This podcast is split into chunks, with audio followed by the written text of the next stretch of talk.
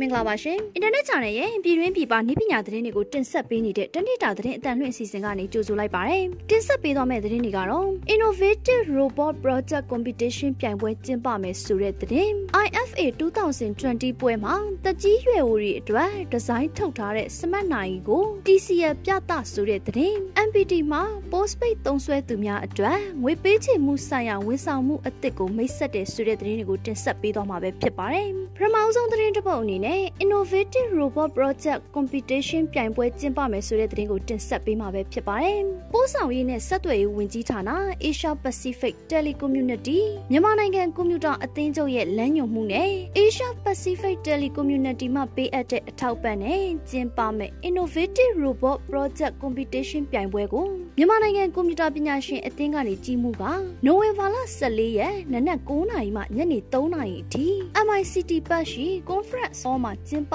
သွားမယ်လို့သိရပါတယ်။ကျောင်းသားကျောင်းသူတွေနဲ့ဤပညာတီထွင်စမ်းသစ်မှုများကျောင်းတွင်းအဖွဲ့အစည်းတင်ဝတ်လှုပ်ဆောင်မှုများ ပညာရေးဆိုင်ရာ STEN သိပ္ပံနည်းပညာအင်ဂျင်နီယာနဲ့သင်္ချာဘာသာရပ်များဝေဖန်ဆန်းစစ်ခြင်းပူးပေါင်းဆောင်ရွက်ဖလှယ်မှုတွေကိုပြိုင်ပွဲကနေတဆင့်လက်ဆင့်ကမ်းပြန့်ပွားနိုင်ရန်အတွက်ရည်ရွယ်ကျင်းပခြင်းဖြစ်တယ်လို့သိရပါတယ်။ APT Young Professionals and Students Programming 2020 Innovative Robot Project Competition ပြိုင်ပွဲမှာ Junior Innovative Robot Project Competition နဲ့ Senior Innovative Robot Project Competition ဆိုပြီးတော့ကဏ္ဍနှစ်မျိုးသတ်မှတ်ထားတယ်လို့သိရပါတယ်။ပါဝင်ရှင်ပြိုင်မဲ့ကျောင်းသားကျောင်းသူတွေအနေနဲ့ပြိုင်ပွဲဝင်ခွင့်လျှောက်လွှာစီကံချက်တွေကို MCPA website ဖြစ်တဲ့ www.mcpamyanmar.org နဲ့ APT Facebook စာမျက်နှာဖြစ်တဲ့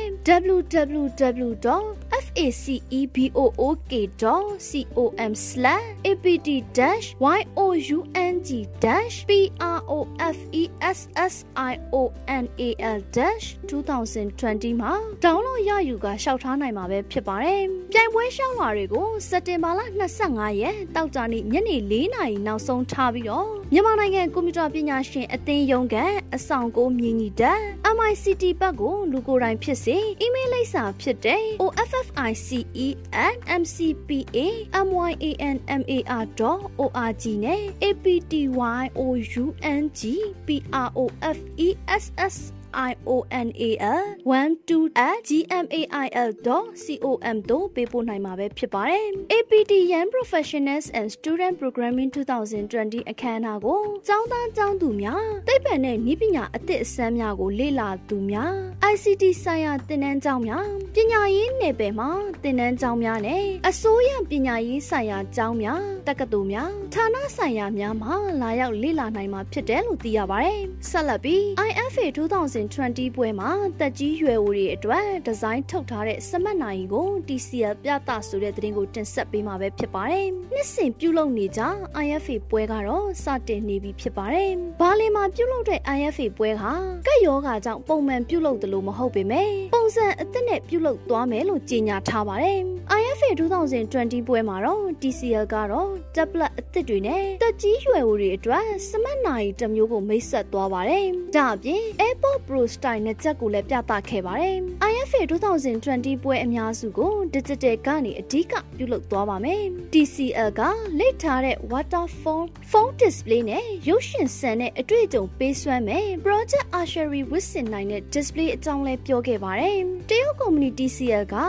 Android 10ထောက်ပံ့မှုပါဝင်တဲ့ထုတ်ကုန်တွေကိုမိတ်ဆက်လိုက်ပါတယ်။ TC10 Touch Max မှာမျက်နှာပြင်10.36လက်မပါဝင်ပြီးတော့ကြောဘက်ကင်မရာ30 megapixel နဲ့ရှေ့ကင်မရာ8 megapixel အပြင် battery 8000 mAh ပါဝင်လာပါတယ်။ TCL 10 Touch Max 4G model ကတော့ဒေါ်လာ350နဲ့ Wi-Fi model ကတော့ယူရို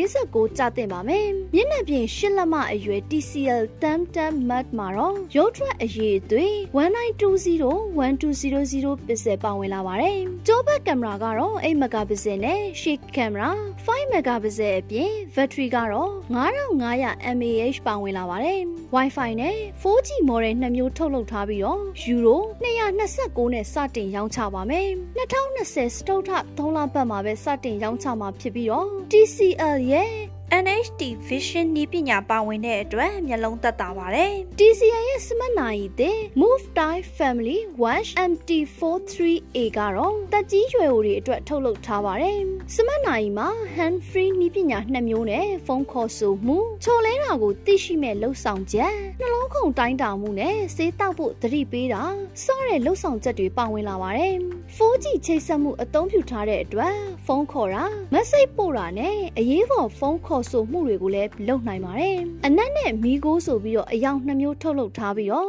51မီလီမီတာနဲ့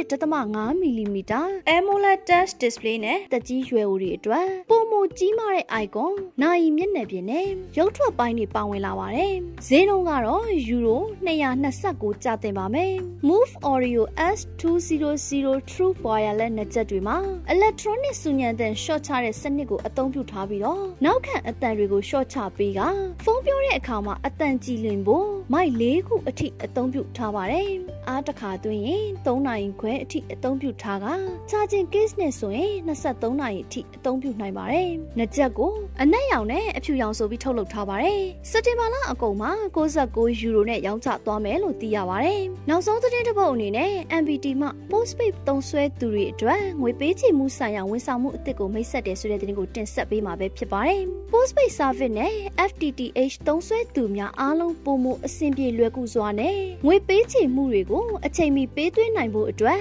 ငွေပေးချေမှုဆိုင်ရာဝန်ဆောင်မှုအသစ်တစ်ခုကို MPT ကမိတ်ဆက်ခဲ့ပါတယ်။ postpaid ဝန်ဆောင်မှုများ GSM, CDMA, ADSL, IP Star နဲ့ FTTH သုံးစွဲသူတွေအားလုံးဟာ MPT GSM Prepaid Mobile Phone ကိုအသုံးပြုပြီးတော့လွယ်ကူအဆင်ပြေစွာငွေပေးချေနိုင်မှာပဲဖြစ်ပါတယ်။ အထက်ပေါ်ပြပါဝန်ဆောင်မှုများသုံးစွဲသူတွေအနေနဲ့ USSD ကိုမိမိကိုယ်တိုင်ငွေပေးချေနိုင်တဲ့နည်းလမ်းနဲ့ငွေတောင်းခံလွှာတွေကိုအဆင်ပြေလွယ်ကူစွာပေးဆောင်နိုင်တဲ့အကျိုးကျေးဇူးတွေကိုရယူနိုင်ပြီးတော့လစဉ်ကြားသိငွေတောင်းခံလွှာတွေကိုဖုန်းငွေဖြည့်ကပ်အသုံးပြုရတော့၎င်းဖုန်းလက်ကျန်ငွေကနေတဆင့်ပေးချေခြင်းဖြင့်၎င်းပေးချေနိုင်မှာပဲဖြစ်ပါတယ်။ USSD ဝန်ဆောင်မှုသည်တနေရာတည်းတွင်မိမိကိုယ်တိုင်ရိုးရှင်းလွယ်ကူအဆင်ပြေစွာနဲ့24နာရီ9ရက်တစ်နှစ်ပတ်လုံးလှုပ်ဆောင်နိုင်ရန် prepaid နဲ့ postpaid သုံးစွဲသူနှစ်မျိုးစလုံးအတွက်အထောက်အကူပေးတဲ့စနစ်ဖြစ်ကြောင်း USSD ဝန်ဆောင်မှုတစ်ခုစီတိုင်းအတွက်သုံးစွဲသူများမှာ၎င်းတို့ရဲ့ရွေးချယ်မှုကနေတဆင့်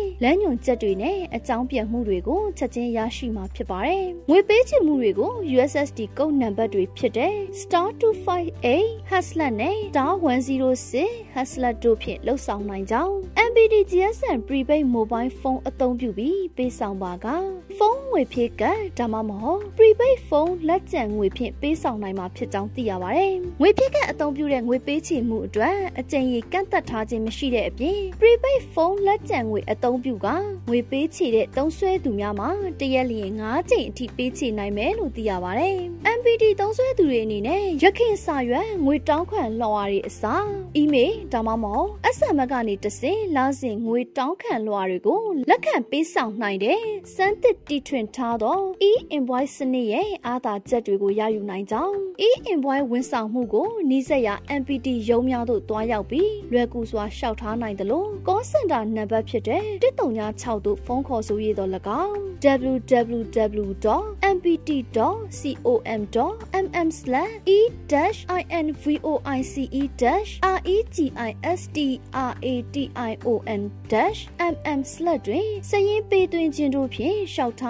နိုင်မယ်လို့သိရပါတယ်။စည်ရင်းပေးသွင်းရှောက်ထားခြင်းအောင်မြင်ပါကသုံးစွဲသူများအနေဖြင့် SMS ဒါမှမဟုတ် email ကိုလက်ခံရရှိမှာဖြစ်ပြီးတော့မိမိနှစ်သက်ရာပေးပို့မှုစနစ်ကိုရွေးချယ်အသုံးပြုနိုင်မှာပဲဖြစ်ပါတယ်။ e-invoice ဝန်ဆောင်မှုစည်ရင်းပေးသွင်းသူတဦးချင်းစီအတွက်တစ်လ900ကျပ်တက်တာခွင့်ကို9လစက်တိုင်းစုစုပေါင်း2500ကျပ်ရရှိနိုင်မှာပဲဖြစ်ပါတယ်။အခုတင်ဆက်ပေးသွားတဲ့သတင်းတွေကနိုင်ငံတကာနဲ့ပြည်တွင်းမှာရရှိထားတဲ့နည်းပညာသတင်းတွေကိုအင်တာနက် channel ကနေတင်ဆက်လိုက်တာပဲဖြစ်ပါတယ်။အခုလို COVID-19 ဖြစ်ပေါ်နေတဲ့ကာလမှာပြည်သက်တွေအနေနဲ့လည်းကျန်းမာရေးနဲ့အာကစားဝန်ကြီးဌာနရဲ့လက်ညှိုးမှုတွေနဲ့အညီလိုက်နာဆောင်ရွက်ခါနေထိုင်သွားလာဖို့တိုက်တွန်းလိုက်ပါတယ်။ကျမကတော့ဝေမြင့်မှုပါ။